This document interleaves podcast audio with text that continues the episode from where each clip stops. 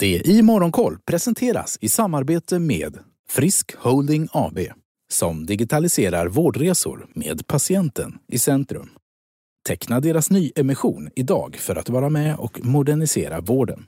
Läs mer på sajten friskholding.se. Och frisk det stavas med Q. F-R-I-S-Q. friskholding.se God morgon, välkommen till det i Morgonkoll.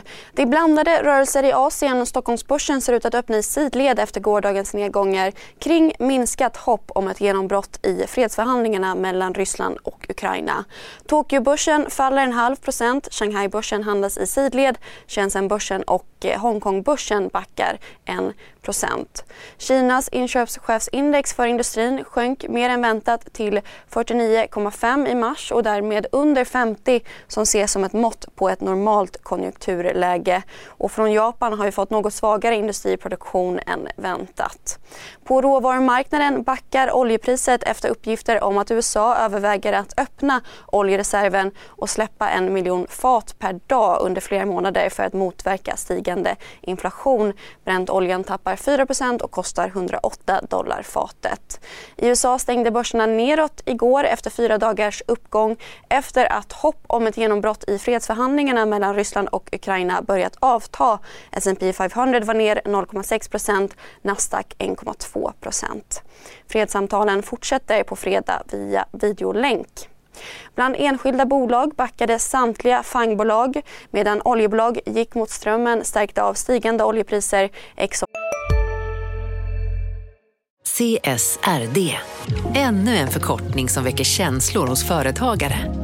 Men lugn, våra rådgivare här på PWC har koll på det som din verksamhet berörs av. Från hållbarhetslösningar och nya regelverk till affärsutveckling och ansvarsfulla AI-strategier. Välkommen till PWC. var upp knappt 2 så Sverige igår kväll tillkom uppgifter till granskningen av svenska verkstadsjättarna SKF, Sandvik och Atlas Copco som ska ha sålt utrustning till ryskt kärnvapenprogram.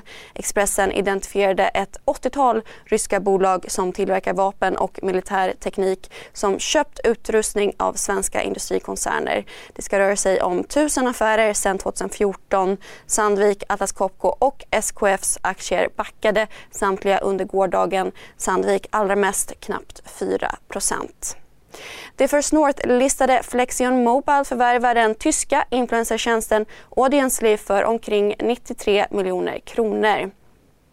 I övrigt på nyhetsfronten så riskerar det svenska statliga energibolaget Vattenfall miljardböter i Nederländerna efter en stämning.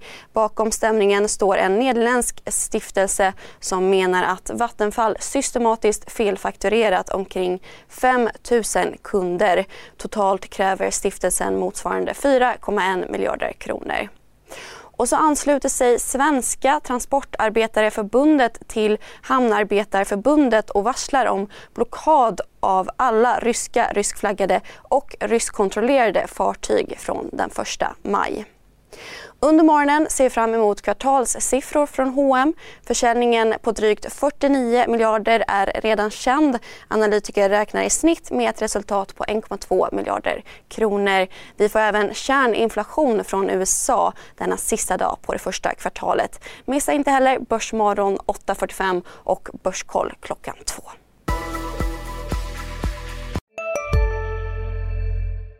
CSRD.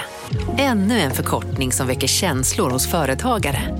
Men lugn, våra rådgivare här på PWC har koll på det som din verksamhet berörs av. Från hållbarhetslösningar och nya regelverk till affärsutveckling och ansvarsfulla AI-strategier. Välkommen till PWC. Hej, Synoptik här. Så här års är det extra viktigt att du skyddar dina ögon mot solens skadliga strålar. Därför får du just nu 50% på ett par solglasögon i din styrka när du köper glasögon hos oss på Synoptik. Boka tid och läs mer på synoptik.se. Välkommen!